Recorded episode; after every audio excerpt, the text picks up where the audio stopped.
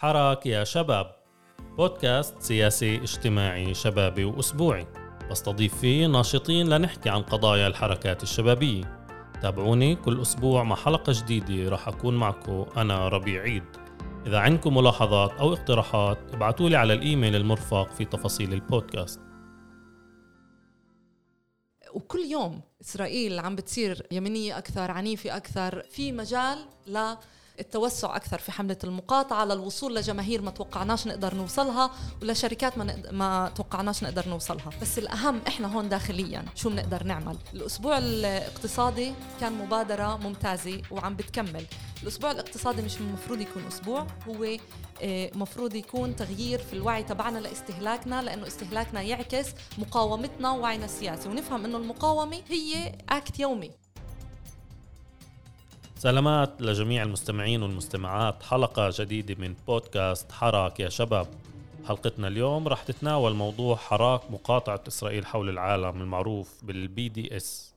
أكيد معظم اللي عم بيسمعونا تابعوا وسمعوا أخبار حول مقاطعات جهات دولية مختلفة لإسرائيل من شركات ومؤسسات وأفراد وفنانين وجامعات. قبل 15 سنة تقريبا وفي أعقاب الانتفاضة الفلسطينية الثانية انطلقت حركة المقاطعة من فلسطين وامتدت لكل العالم سعيا لمقاومة الاحتلال والاستعمار الاستيطاني والأبارتهايد الإسرائيلي.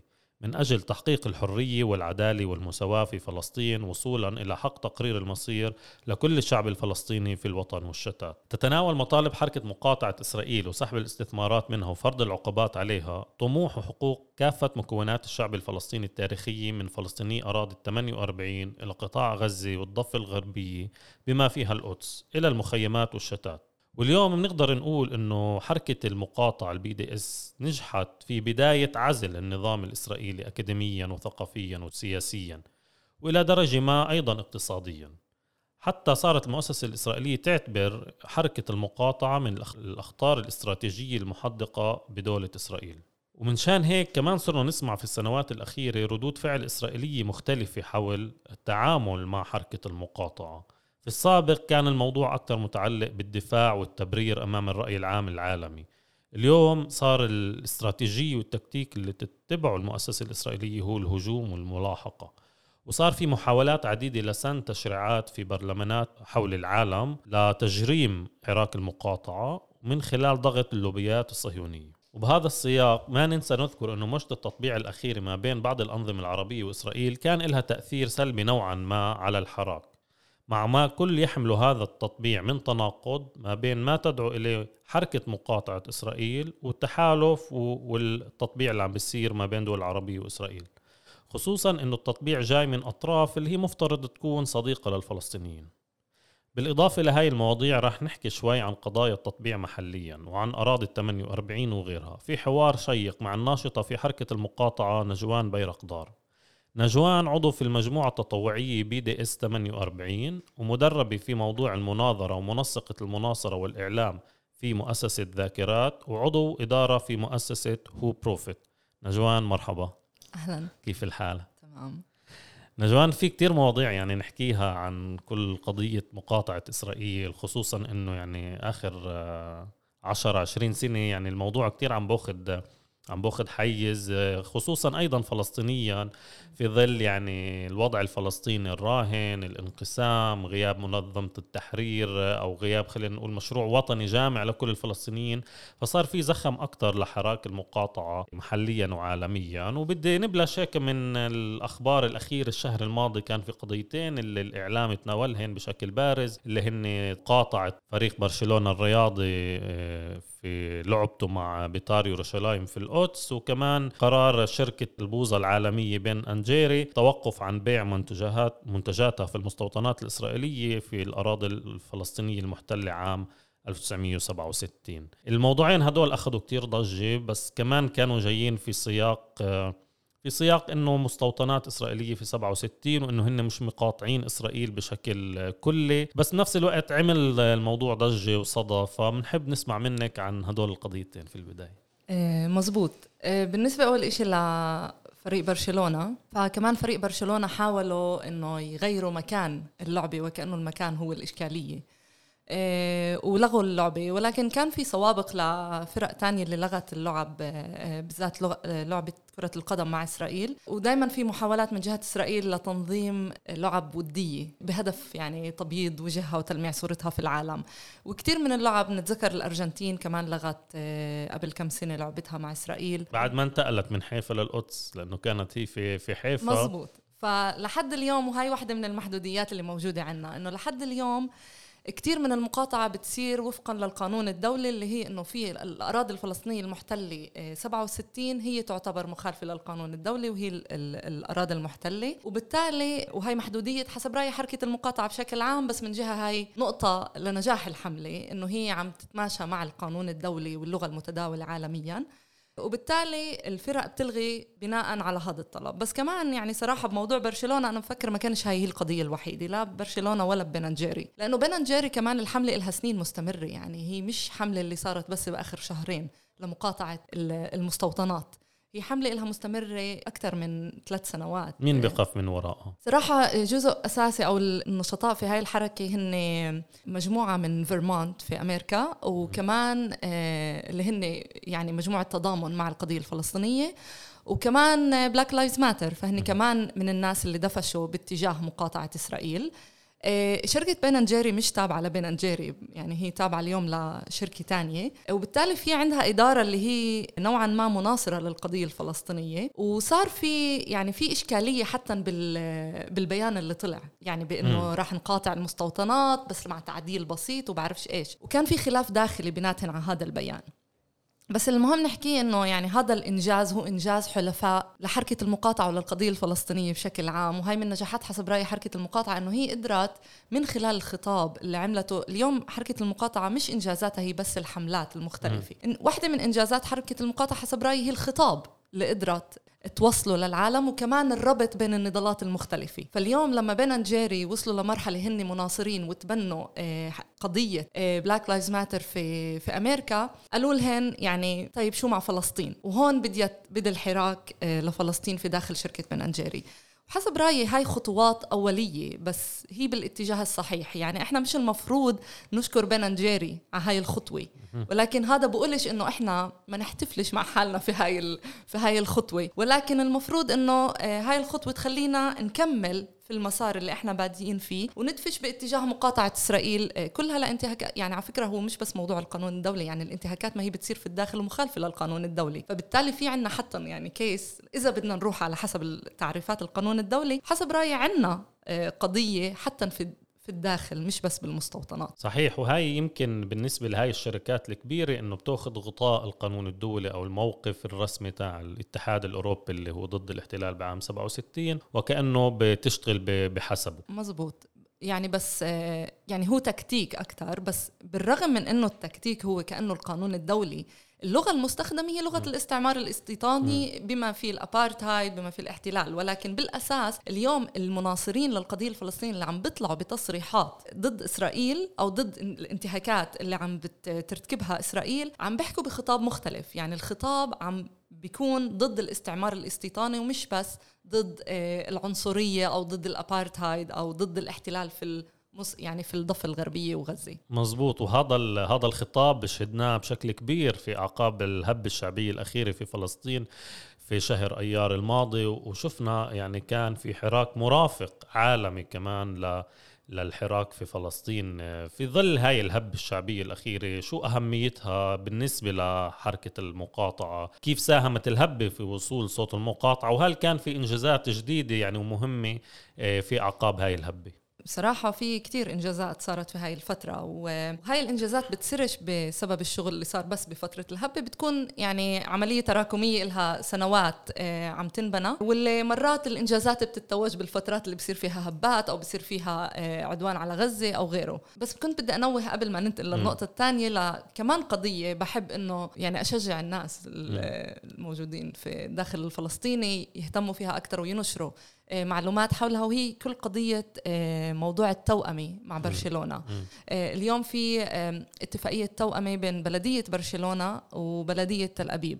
عادة لما بصير حملة مقاطعة إحنا كمان بنفكر ب بالنجاح يعني ب... بإمكانية النجاح. هاي واحدة من المقاييس.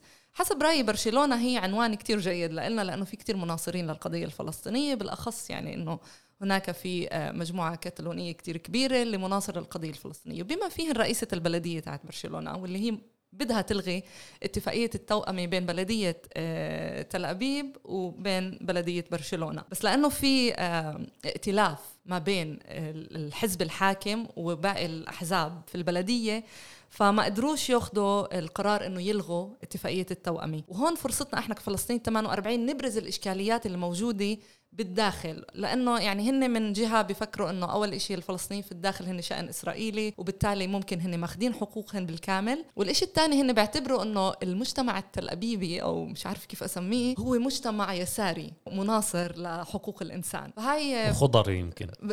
عشان خضري بالأساس. بس هاي هاي بعض الحجج تبعتهن اللي كانت حقيقية يعني عن جد انبعثت لنا إنه المجتمع الإسرائيلي في تل أبيب مختلف عن باقي إسرائيل يعني. ف...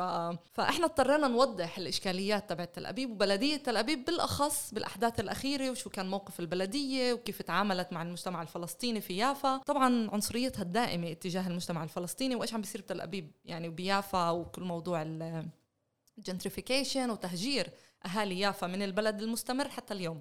طيب هون نجوان أنا بدي أسألك آه. يعني أنت دعيتي إنه يكون في خطوات عملية من الفلسطينيين داخل 48 يعني إيش مثلا ممكن بهاي الحالة ممكن إن المؤسسات والناشطين الفاعلين في يافا أو غير يافا إنه يتصرفوا في موضوع التوأمة يعني مثلا على موضوع آه، بيتار القدس شفنا مثلا النائب سامي أبو شحادة بعت رسالة هل مثلا ممكن أعضاء الكنيست العرب ممكن يكون لهم دور ولا هون ممكن يقعوا بملاحقة إسرائيلية أو محاولة يعني تجريم بسبب هيك تصريحات أوكي اولا أنا استغلت المنصة عشان أدعي لهيك شيء فأنا ما دعيت لحملات لأنه الموضوع آه، يعني أنا اكتشفته بشكل مفاجئ.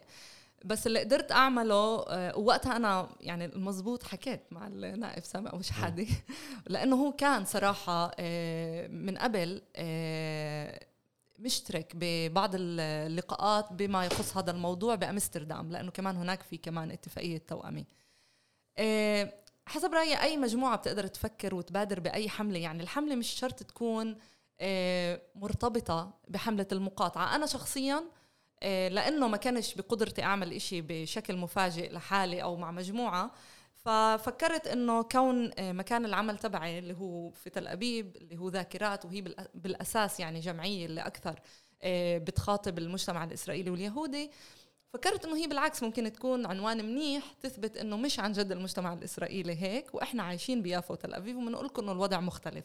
فبالتالي آه، المكان العمل تبعي توجه برسالة وعملنا نوعا ما مع آه، يعني حملة آه، بالتعاون مع الائتلاف في برشلونة.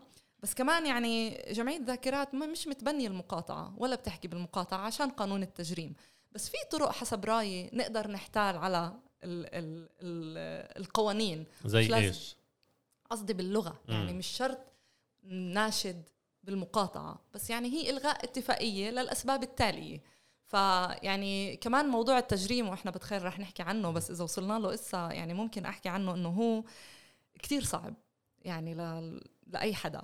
إيه، موضوع التجريم في الداخل بتطلب إثبات الضرر. اللي تسبب فيه الشخص اللي دعا للحملة. ضرر و... الاقتصادي يمكن. ضرر الاقتصادي طبعا. وعادة كتير صعب تثبت إنه شخص معين سبب هذا الضرر لأنه فيش حدا بيطلع لحاله بحملة لمقاطعة أي آه، شركة أو أي آه، مكان. لحد اليوم ما كانش ولا ولا حالة اللي فيها تشكوا على حدا هون بسبب موضوع المقاطعة ومناشدته للمقاطعة. طبعا إحنا بنعرف شو نتوقع من من دولة الاحتلال يعني بس آه، حتى المؤسس الحملة لما حاولوا يجرموه ما قدروش يجرموه من خلال قانون المقاطعة. نحكي يعني عن عمر, عمر البرغوثي واللي هو أحد مؤسسين ونشطاء حملة المقاطعة المعروفين فاتجهوا ل اغتيال أكثر آه، اجتماعي أو مدني أو مش عارفة شو بنسميه وبرضه ما نجحوش وتسكر الملف. حالة القانون يعني أنا بفهم إنه ما حدا فينا بده يروح على السجن بس اللي هي بس حسب رأيي بالعكس يعني إحنا نضالنا ممكن يسبب لإلنا آه، يعني بنعرف إنه كل الوقت إحنا موجودين بهذا الخطر. واليوم على يعني بوست بفيسبوك إحنا عم نعتقل. وهاي الحالة صارت كتير في الداخل. ففيش ضمانات لإنه ما يتمش اعتقالنا عشان نشاطنا ونضالنا لقضيتنا. فبالتالي أنا حسب رأيي إذا القوانين اللي عم تسن هي قوانين لا تعقل يعني وهي مخالفة أصلا. لكل مبادئ لازم ترتكز عليها القوانين حسب رايي إحنا مش شرط نخضع لها بالعكس لازم نحاربها. بس لازم نحاربها بشكل جماعي عشان ما يدفعش شخص الثمن لإلها. تمام. آه بدنا نرجع لموضوع الهب يعني في الهب كان في كتير أخبار اللي يمكن ما كناش نلحق نقرأ كل يوم أخبار شو بيصير هون عشان نعرف كمان شو بيصير بالعالم. فبدنا منك هيك يعني مرأة سريعة على ابرز خلينا نقول الإنجازات المواضيع اللي كانت حول العالم اللي كان فيها مقاطعة إن كان من مؤسسات من فنانين من أفراد. في كان عدة إنجازات رح أحاول أذكر أغلبها بس في صندوقين تقاعد كبار واحد نرويجي وواحد اسكتلندي اللي هن انسحبوا من استثماراتهم في البنوك الإسرائيلية. آه، وإحنا هون عم نحكي عن مبالغ طائلة اللي أنا بعرفش حتى عادة أقولها. أول مره آه، هاي أول مرة بسمع عنهم هدول. الإنجازات. آه, آه. النرويجي اسمه كي إل بي اللي هو طلع من من الصندوق 16 شركة اللي لها علاقة في المستوطنات الإسرائيلية. الصندوق الثاني مش متذكره شو اسمه بس هو اسكتلندي واللي هو انسحب من البنوك الإسرائيلية. وعلى فكرة كان قبل كم سنة كمان صندوق تاني نرويجي تقاعد اللي انسحب من البنوك الإسرائيلية. بس كمان مرة لأنها كمان متواجدة في المستوطنات وهي مش بس متواجدة في المستوطنات البنوك الإسرائيلية بتدعم وبتشرف على بناء المشاريع الاستيطانية. كمان في الحكومة الإيرلندية اللي هذا إشي اللي بدي من قبل. هي أعلنت هاي مش شرط يعني إنه إلها علاقة بالصفقة اللي كانت آه، موجودة. آه، الضم تبع الضفة والضفة الغربية هو موجود من قبل يعني فهو ديفاكتو أكثر من 350 آه، أكاديمي وأقسام في جامعات مراكز ونقابات أعلنوا عن تضامنهم مع القضية الفلسطيني. عم نحكي يعني هاي هاي المراكز ولكن الأشخاص أفكر بيطلع العدد 23 ألف يعني. هاي في بلد ولا بكل العالم؟ لا بالعالم, بالعالم. آه بس عندنا أكثر من 350 قسم أو نقابي أو مركز طلع ببيان لتضامنه مع القضية الفلسطينية وحاول يشد باتجاه تبني ريزوليوشن لدعم القضية الفلسطينية ومقاطعه المركز أو الجامعة للشركات الإسرائيلية أو لشركات متورطة في دعم الاحتلال الإسرائيلي. البرلمان التشيلي قدم مقترح لقانون بمنع استيراد البضاعة الإسرائيلية من يعني بضاعة المستوطنات طبعا حزب العمل الكندي آه، كمان حاول يقدم مقترح لمقاطعة منتجات المستوطنات وكمان الانسحاب من شركات الأسلحة الإسرائيلية يعني عدم التعامل مع شركات الأسلحة آه، وإنه يفرضوا military embargo على كل مقاطعة المنتوجات العسكرية خلينا نقول الصادرات العسكرية. الصادرات العسكرية. في جامعتين اللي هن كوستاريكا وبرازيليا كمان تبنوا resolution لمقاطعة إسرائيل اللي ما يكونش للجامعات أي علاقة بشركات متورطة في الاحتلال الإسرائيلي أو آه، الاستعمار وكمان آه، مقاطعة شركات الأسلحة. كثير أنا كمان نجوان بلاحظ يعني بال, بال يعني بعموما إنه مثلا بالجامعات كثير قوية حركة مزبوط. المقاطعة. يعني جامعات طلاب آه، نقابات كمان عم بيكون كثير لها دور مزبوط اللي عم بت يعني كمان شفنا مثلا خلال الهبه رفض آه، آه، تحميل أو تنزيل السفينه سفينة مزبوط البضائع الإسرائيلية بإيطاليا مزبوط صح. يعني مثلا في كمان صندوق تقاعد اللي انسحب من شركة ألبت اللي هي المصنعة الأساسية يعني أكبر مصنع خاص للسلاح الإسرائيلي. بس كمان يعني في كتير كتير نقابات ومؤسسات مجتمع مدني دعت لمقاطعة إسرائيل. وصراحة يعني هو بفكر الفرق بين أي أي عملية تضامن عادة ندعي لها وبين حركة المقاطعة إنه بالمقاطعة إحنا عم نعطيهن آلية. اليوم إذا أنت بتقدرش تقاطع إسرائيل بشكل مباشر بتقدر تقاطع شركات ورطة في الاحتلال الإسرائيلي ومن خلال هذا الضغط الاقتصادي أنت تشكل ضغط. الجامعات صراحة عم بيصير فيها من أكبر إنجازات. يعني في جامعة كيوني اللي هي جامعة مدينة نيويورك مرقت ال resolution للمقاطعة آه، وسحب الاستثمارات آه، وفرض العقوبات على إسرائيل. في جامعات زي ستانفورد زي كامبريدج زي واشنطن كلهن كان في محاولة إن أو مرق أو تم تقديم المقترح لمقاطعة إسرائيل. ففي ضغط من أغلب الجامعات ل...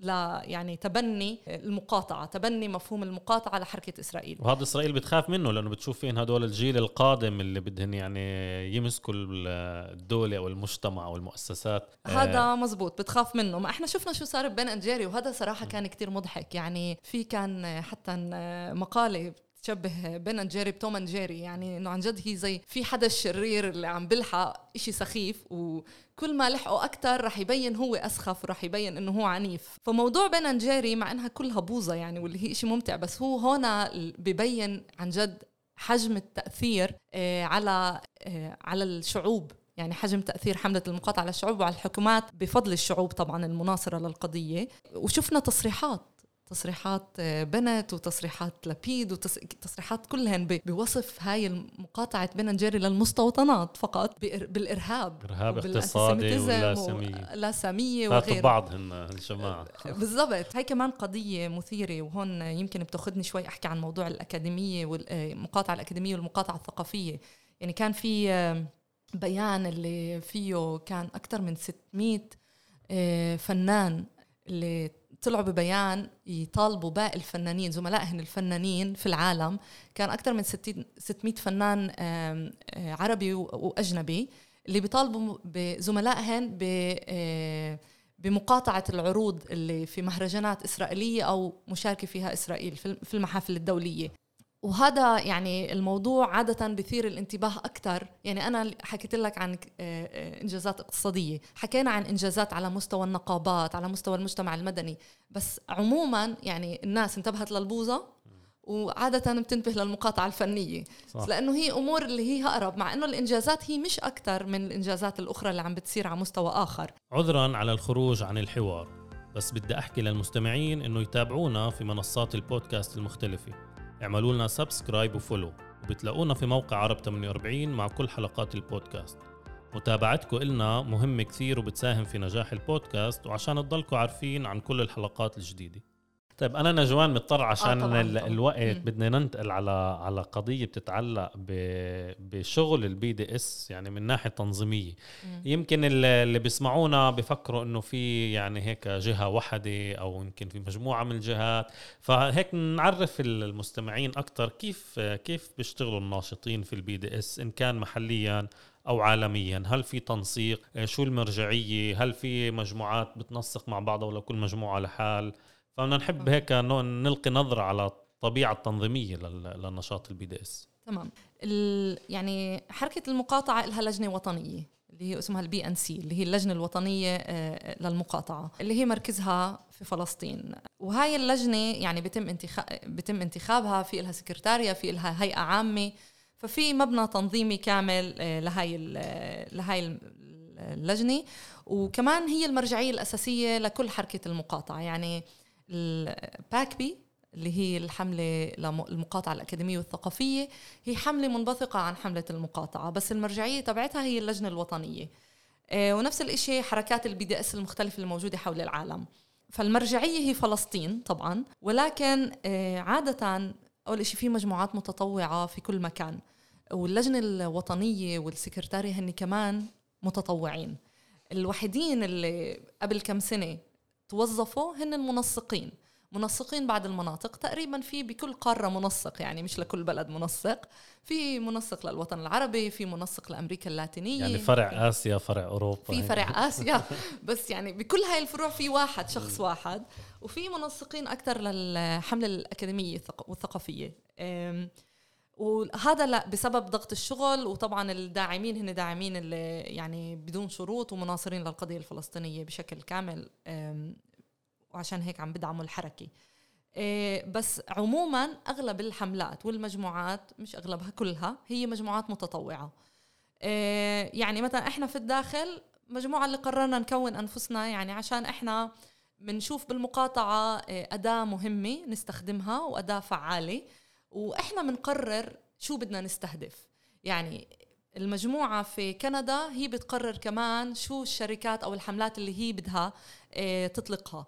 فهي بتختار الهدف هي بتختار بناء على معايير معينة مثل إمكانيات النجاح مثل مين الحلفاء يعني كل مقاييس الحملات اللي موجودة عادة بأي حملة. وبعدين بصير استشارة مع اللجنة الوطنية. طبعا كمان الاستشارة عشان موضوع اللغة إيه، موضوع الحلفاء مع مين نقدر نشتغل كل هاي الأمور. وكمان لتجنيد الدعم يعني الدعم بمعنى الدعم مش الدعم المادي إيه، بس إيه، دعم المجموعات المختلفة.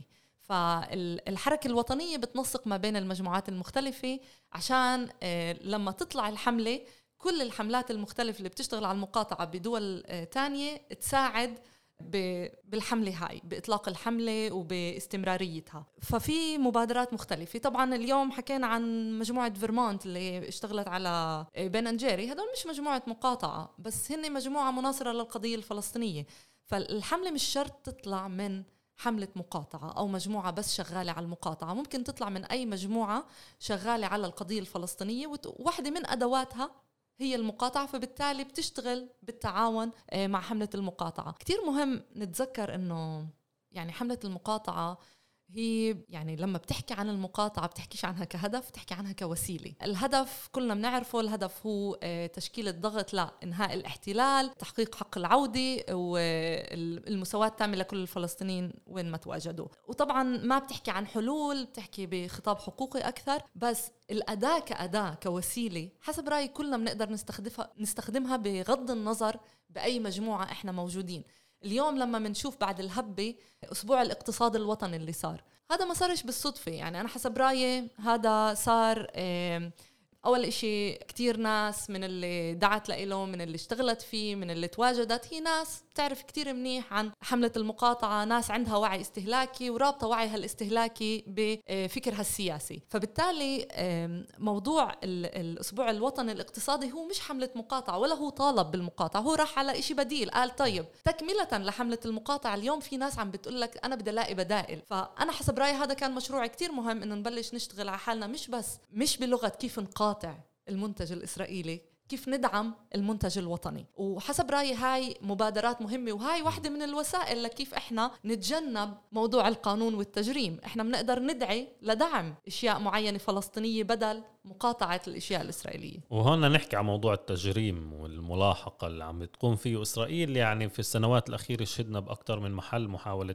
سن قوانين في برلمانات آه، أو ولايات مثلا في الولايات المتحدة أو في ألمانيا على تجريم المقاطعة آه، وفي ألمانيا كمان عم بيكون في حراك بعد هذا القانون اللي تم سنه البرلمان مقاطعة إسرائيل آه، من فنانين اللي هن عم بدعوا كمان لأنه يعني عدم الربط ما بين نقد إسرائيل و واللاسامية وكل تعقيداتها هناك. فكيف كيف عم بتشوفوا إسرائيل عم تشتغل على صعيد دول لأنه خصوصا هي عم بتخصص ميزانيات كبيرة يعني لهذا الموضوع وكمان يعني ما ننسى نذكر كل موضوع ال pinkwashing اللي من خلاله كمان يعني الترويج لإسرائيل كواحة من الحريات الجنسية وإلى آخره. بهدف كمان كان محاربة ال BDS يعني لتصوير إسرائيل كدولة يعني غربية ليبرالية إلى آخره. فعم بنضخ كتير مصاري وفي لوبيات عم تشتغل بشكل منظم والسفارات إلى آخره. آه، كيف كيف عم بتشوفوا آه، يعني استراتيجية إسرائيل وهل عم بتشكل ضرر على حركة المقاطعة؟ آه، اليوم إحنا يعني ال pinkwashing صار قديم اليوم في ال greenwashing أكثر مشغولين فيه. فهن عم بيعملوا greenwashing للتطهير العرقي للفلسطينيين. طبعا يعني صندوق كاكال كاكال آه، اللي هي JNF هي يعني من أكثر آه، مساهمين ل لهذا التطهير العرقي ولمحو ما تبقى من القرى الفلسطينية يعني وأي أثر للفلسطينيين. وهذا اليوم بنشوف أنه بعده موجود بالنقب وبالقدس وغيره. بالنسبة للتجريم يعني هو من جهة طبعا شوي بخوف اللي عم بيصير. يعني إن كان القانون اللي صار في إسرائيل بس يعني كمان لازم نتذكر إنه قبلها انسان قانون للنكبة ومش عن جد يعني صحيح. صار إشي إيه اليوم في دول زي ألمانيا زي فرنسا إيه بعض الولايات في أمريكا اللي عم بتحاول إيه تسن قانون لتجريم المناشدين بالمقاطعة وهذا طبعا كله بسبب اللوبي وضخ الميزانيات اللي أنت حكيت عنها وكمان له علاقة بال بالعلاقات الاقتصادية والقوة الاقتصادية اللي بتلعبها إسرائيل. الاستخباراتية أيضا. طبعا والاستخباراتية هي بنشوفها بالإمارات بالأساس كمان. يعني فكر هذا الهدف الأساسي تبعها. بس كمان يعني. كل موضوع اللاسامية وموضوع آه، اللعب على موضوع الهولوكوست والإحساس بالذنب يعني الذنب اللي هن ارتكبوه إحنا عم ندفع ثمنه. بس كمان حسب رأيي كل اللي عم بيصير هو دليل لاثر حركة المقاطعة وللجهود اللي عم عم بيعملوها مش بس حركة المقاطعة كل حلفائنا آه، في في العالم.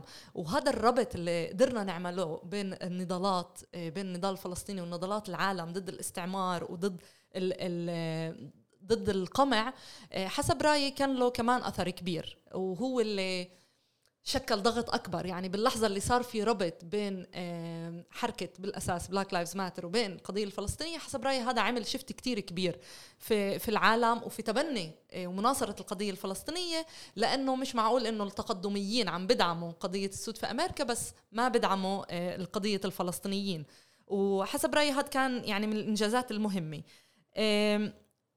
بالنسبة للتجريم اليوم حاولوا في بعض الدول بالأساس أنا اللي سمعت عنه ألمانيا حاولوا يعتقلوا بعض النشطاء لمناشدتهم بالمقاطعة بالصدفة هدول النشطاء كانوا أغلبهم إسرائيليين مش مش فلسطينيين واحد فلسطيني آه، وما قدروش يعني اللي هن قاطعوا السفيرة الألمانية في جامعة آه. هن ناس اللي لما كان في نشاطات لإسرائيل طلعوا طالبوا وقفوا قبالها وطالبوا مقاطعتها. بالداخل صراحة ما بنعرفش عن أي حالة اللي صارت بس كمان يعني بالداخل في كتير أمور ممكن يعتقلوا عليها. يعني ممكن أنت تكون نشيط كمان بال يعني المقاطعة هي واحدة من الأشياء اللي موجودة. يعني بالآخر المقاطعة هي مش الرؤية السياسية تبعتنا هي واحدة من الأشياء اللي بنعملها. فيعني أفكر كل نشاطنا اللي له علاقة في نضالنا وفي تحررنا دائما هو ممكن يكون سبب لاعتقالنا. في أمريكا صارت أحداث شوي معقدة أكثر مثل موضوع إنه بدهن يوقعوا الناس يستغلوا الكوارث الطبيعية اللي صارت يوقعوا الناس إنه بنرمم لكم بيتكم أو بنعطيكم تعويضات. هاي صارت إذا أنا مش غلطانة بتكساس.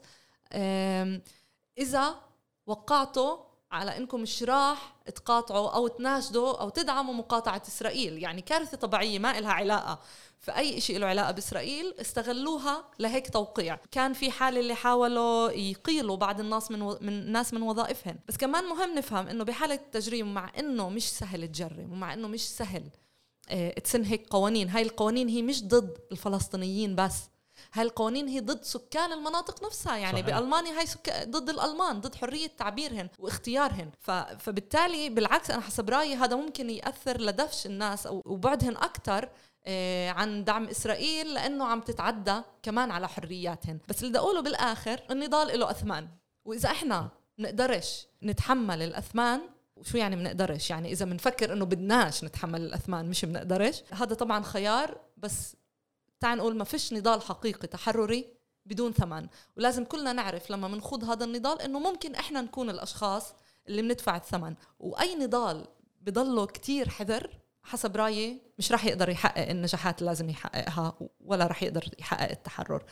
فبتأمل إنه ما حدا يعتقل بسبب هذا القانون بس يعني هذا واقع ما فيش عنا لحد الآن بعده ولا حدا أعتقل. أنا بدي أنتقل معك نجوان م. يعني ذكرتي كمان عن الداخل وبدنا نحكي شوي عن أراضي ال 48 خصوصا إنه ال BDS هون خصوصيتها آه خصوصيتها خصوصية ما يسمى المواطنة الإسرائيلية. آه، ال BDS هون والنقاش باخذ نوعا ما آه، يعني وجه شوي مختلف بسبب النقاشات الداخلية اللي بتصير على بعض القضايا اللي بتتعلق عادة بزيارات آه، فنانين من العالم العربي للداخل اللي بنشوف كمان يعني في المواقع التواصل الاجتماعي بصير في نقاشات طويلة عريضة وأحيانا على مشاركة فنانين أو ناشطين في الحقل الثقافي في مشاريع مع مؤسسات إسرائيلية مختلفة ويعني بصير نقاش إنه الداخل له خصوصيته المواطنة في ال BDS يعني كمان أحيانا بيكون في انتقائية بتحكي على فلان ما بتحكي على علان. يعني أنا باخذ إيش يعني يذكر آه بهاي. الأمور وإنه يعني هذا الموضوع كيف نتعامل معاه؟ يعني ليش ال BDS مثلا بتحكي على فلان ما بتحكي على علان خصوصية الداخل إلى آخره؟ فبدنا نسمع رأيك. طيب يعني أنا بفكر موضوع ال 48 بشكل عام مش للنقاشات الداخلية بس موضوع ال 48 كتير مهم إنه بشي مرحلة. إيه، ومبروك على البودكاست الجديد بس بشي مرحلة هو بطل جديد بس بشي مرحلة يصير حلقة كاملة صراحة عن إيش إيه، المعايير اللي لها علاقة في ال 48 يعني أنا كلمة خصوصية كمان شوي بت هيك بتحز بنفسي لأنه أنا بحبش أعتبر إنه في خصوصية لفلسطين 48 لأنه التطبيع تطبيع. يعني طبعا في أشياء قسرية وهاي بنحاول إحنا نتجنبها بس أي شيء غير قسري صراحة يعتبر تطبيع. بس اليوم حملة المقاطعة بتعطيك ال minimum لك هذا ال minimum اللي إحنا بنقدر نعمله وفي ناس بدها أكثر من هيك واللي طبعا أي مجموعة حرة إنها آه، تعمل حملة لمقاطعة اللي معاييرها شوي راديكالية أكثر هو في كمان اتهامات إنه سقف آه. واطي وبنفس الوقت في اتهامات يعني آه راديكاليين آه إنه إحنا مش واقعيين. وفي لما بصير إشي مرات بصير بالضبط اتهام على حملة المقاطعة بإشي هي ما كانتش أصلا تدعي لمقاطعته أو غيره. أنا اليوم لما بحكي بحكيش باسم حركة المقاطعة. أنا بحكي شو أنا كيف أنا بفهم الأشياء وليه مهمة لإلي. بحالة ال 48 يعني أنا بس بدي أحكي يعني في رح نحكي يمكن بشي مرحلة أو بعرفش عن دور الفلسطينيين بس يعني صوتنا ممارساتنا آه، بتأثر على شو بنتوقع من العالم. فاليوم لما أنا عندي طلع بعد هاي الهبة طلع عندي آه، رسالة آه، بعنوان Musicians for Palestine اللي فيها أكثر من 60 600 فنان عربي وعالمي. أوكي؟ منهم روجر ووترز اللي بنعرف من زمان إنه هو داعم للقضية منهم Noname آه، منهم مش عارفة كمان باتي سميث وغيرهم من الفنانين اللي كتير معروفين. نعرف إنه في كتير DJs بال electronic music كمان اللي صاروا بالموسيقى الإلكترونية كمان صاروا داعمين للقضية. وهدول آه بيقاطعوا كل إسرائيل.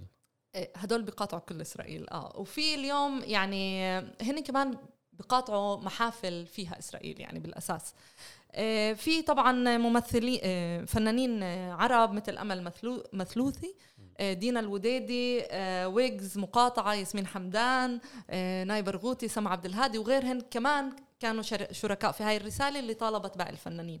هاد بقول إنه إحنا عندنا توقع من العالم. أنا بقول إنه حركة المقاطعة هي صح حركة عالمية وفي طلبات بتزبط للجمهور الخارجي مش للجمهور الفلسطيني بحكم إحنا واقعنا كمجتمع محتل. ولكن في أمور بنقدر نعملها وفي أمور مش طبيعية إنه منع يعني مش طبيعية إنه نعملها أصلا. يعني زي التمثيل بفوضى اللي كان في اتفاق عليه.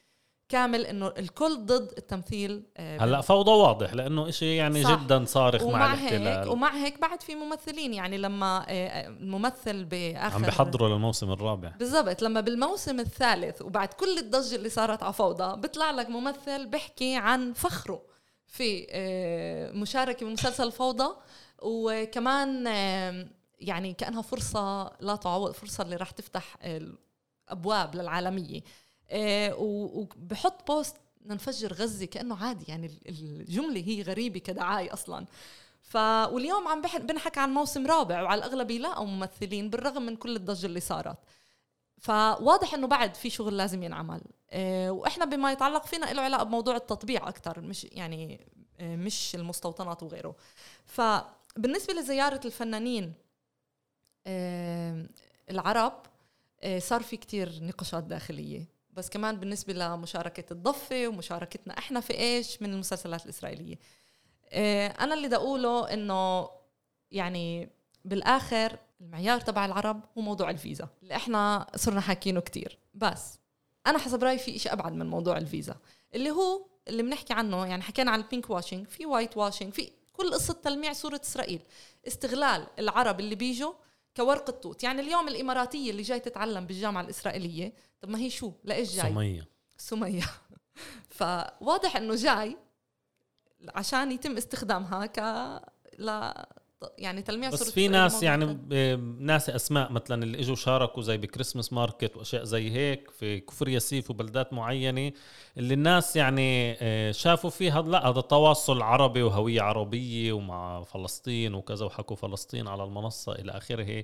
ويمكن عند شرائح معينة هاي بتعزز من هويتهم طلع هو بالآخر يعني إحنا ولا مرة ادعينا إنه فيش فائدة بالمرة من الزيارة. بس إحنا قارنا بين الفوائد والأثمان. شو الثمن اللي إحنا يعني بين يعني شو الثمن اللي إحنا رح ندفعه بسبب هاي الزيارة اللي خلتنا شوي نفرح ونحس حلو لمدة ساعة أو نحس بهذا التواصل؟ اليوم تواصلنا صار لعدة أسباب. قبل ما يجوا يقدروا يجوا العرب. العرب ما كانوش زمان يقدروا يجوا. هذا آخر كم سنة لما فاعت قصة تنظيم الحفلات يعني. صحيح. فالعرب مش بالصدفة انسمح لهم يجوا. آه، في مرة كنت بجلسة واحدة من المناصرين لزيارة العرب حكت أنا بدي أحب من الأردن أنا بدي أحب من ابصروان وهقدر أجيبه عشان هيك مع زيارة العرب. قلت لها المشكلة إنه اللي بتحبيه مش رح يقدر يجي. الفنان أوتوستراد رح يجوا بس اللي بتحبيه مش رح يجي. وهون الفرق إنه إسرائيل تختار لي مين بيقدر يجي ومين لا. وهون إحنا مش المفروض نقبل باختيار الاحتلال لمين بيقدر يزورنا ومين لا. فاو بنرفض كل زيارة أو الزياره بتكون مسموحة للجميع. بس كمان إذا يعني يعني حتى اليوم اتفاق مع يعني اتفاق السلام مع مصر والأردن له يعني فوق ال 30 سنة وأكثر مش عارفة كم سنة. بس إحنا عم نحكي عن اتفاق من جهة واحدة الكسبان هو إسرائيل.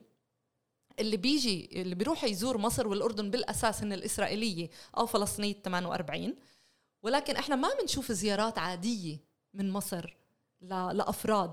إحنا بنشوف مثلا مجموعات الاقباط وغيرها الدينية اللي بتيجي منظمة كجروبات آه، آه، سياحية. ونفس الشيء من الأردن. بس أهل الأردن ما بيجوا اولا لأنه هن ما بدهن يروحوا على السفارة الإسرائيلية لأنه يعني هناك بتعاملوا معهن ب يعني مش مشكلة يعني. المستوى الشعبي آه. يعني بمصر والأردن في عنده صح. وعي والتزام تجاه القضية الفلسطينية. آه وكمان يعني هن الأردن ومصر ما افتخروا في العلاقة مع مع إسرائيل زي ما الإمارات عم بتحولها أكثر للترويج لإسرائيل. فيعني اللي بنحكى كتير اليوم إحنا حكينا كتير عليه مش لازم يزوروا العرب والحجة الأساسية انه بيتم استغلالهم كورقة توت ونفس الشيء الفلسطينية في الداخل لما بيشاركوا بمحافل دولية فيها إسرائيل وبيجيبوهن جنب الإسرائيلي لما من أول مرة اليوروفيجن مش عارفة وينتا لما كسبوا آه، وحدة فلسطينية بجانب وحدة إسرائيلية. فيش مرة كسب تنين الأوروفيزيون الإسرائيلي. دائما واحد بس حطوهن تنين عشان يتم تمثيلهن بطريقة مختلفة عشان يأرجوا التعددية. فكل ما صورة إسرائيل عم تتشوه أكثر هن رح يستغلونا بشكل أكبر. رح يستغلوا الفلسطينية ورح يستغلوا العرب عشان مش بس بس يثبتوا إنه هن دولة تعددية ومتسامحة كمان مع المثليين وكمان مع غيره بفلسطين هن كمان دولة طبيعية في الوطن العربي وهي وهي امتداد يعني هن امتداد طبيعي للموجود. ف بالنهاية مزبوط إحنا بنقدرش نحكي عن الكل. ومرات بنحكي عن ناس مرات بنحكي يعني كان في انتقائية. انتقائية. أنا بر... أنا مرات بسمعش كمان. يعني أنا بكونش عارفة مين جاي. بسمع فجأة. مرات بسمع يعني أنا جديد اكتشفت إنه بيك سام هو مش من الداخل. أوكي. ما حدا قال لي قبل يعني مش كلنا قصدي عندنا نفس آه، آه، مدى المعرفة. وهون تيجي مسؤولية الناس. في ناس بتعلم بس كمان مش متوقع من بس نشطاء حركة المقاطعة هن اللي يعملوا حملات. يعني إحنا ركزنا على مسلسل زي فوضى ركزنا على بعض الأسماء المعروفة أو المتكرر آه انتهاكها للمعايير. بس حملة المقاطعة بتقدرش تلحق على الكل. وإذا عم نحكي عن جهود شعبية برات البلاد إحنا بنعرف إنه مش بس يعني في نشطاء. وبمصر في نشطاء بمصر عن جد نشطاء كتار وبيقدروا يقوموا بحمله بشهرين قدروا يحققوا إنجاز مقاطعة أورنج يعني ل وتحويلها لبارت صحيح. نذكر هون آه، المعتقل رامي شعث اللي بتعتقله السلطات مزبوط. المصرية اللي هو كان ناشط في حركة المقاطعة في مصر. نجوان الحديث يعني يطول ولا يمل وفي كتير مواضيع وزي ما قلت في مواضيع بتستحق عن جد حلقة خاصة. أنا بدي هيك في الختام وبنصف دقيقة تحكي لي أفق يعني حراك المقاطعة في الفترة المقبلة في أعقاب الهبة الشعبية في كل الوضع السياسي المعقد عربيا اقليميا. وعالميا؟ كيف بتشوفي أفق حراك المقاطعة؟ اليوم في في تفاؤل كتير. حسب رأيي اليوم وكل يوم إسرائيل عم بتصير يمنيه أكثر عنيفة أكثر في مجال للتوسع أكثر في حملة المقاطعة للوصول لجماهير ما توقعناش نقدر نوصلها ولشركات ما ما توقعناش نقدر نوصلها. بس الأهم إحنا هون داخليا شو بنقدر نعمل؟ الأسبوع الاقتصادي كان مبادرة ممتازة وعم بتكمل. الأسبوع الاقتصادي مش المفروض يكون أسبوع هو مفروض يكون تغيير في الوعي تبعنا لاستهلاكنا لأنه استهلاكنا يعكس مقاومتنا ووعينا السياسي. ونفهم أنه المقاومة هي أكت يومي. يعني يمكن هذا الموضوع بحاجة لمؤسسات اللي تحضر لبنية تحتية. يعني إحنا في عنا نقص بمؤسسات أو جمعيات تشتغل على كل موضوع الاقتصاد الوطني. مزبوط. وإحنا يعني بالآخر يعني انحكى في محاضرة انعملت جمعية الثقافة العربية إنه إحنا ما عندنا اقتصاد فلسطيني.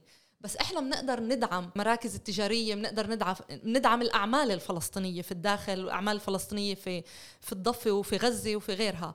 فهذا الدعم اليوم إحنا بنقدر نشتغل عليه. نشتغل باتجاه الدعم نشتغل باتجاه الوعي آه، واللي هو يتحول لمقاومتنا اليومية. ولكن كمان يكون في جهود لحملات مقاطعة بتطالب فيها فلسطينية الداخل كتير مهم. بالأخص في الاكاديميا حسب رأيي صوت الطالب الفلسطيني. في الأكاديمية الإسرائيلية كتير مهم. وحسب رأيي صوتنا له قوة مختلفة كوننا مواطنين. وإحنا لازم ندرك هاي القوة ونبلش. يمكن هاي الخصوصية. هاي الخصوصية. إذا بدنا نحكي عن خصوصية خلينا نحكي عن هاي عن نقطة قوتنا. طيب نقطة قوتنا أنا بحب آه، نختتم هاي الحلقة وبدعو المستمعين يتابعوا نشاطات آه، حركة المقاطعة في موقعهم على الإنترنت ومواقع التواصل الاجتماعي.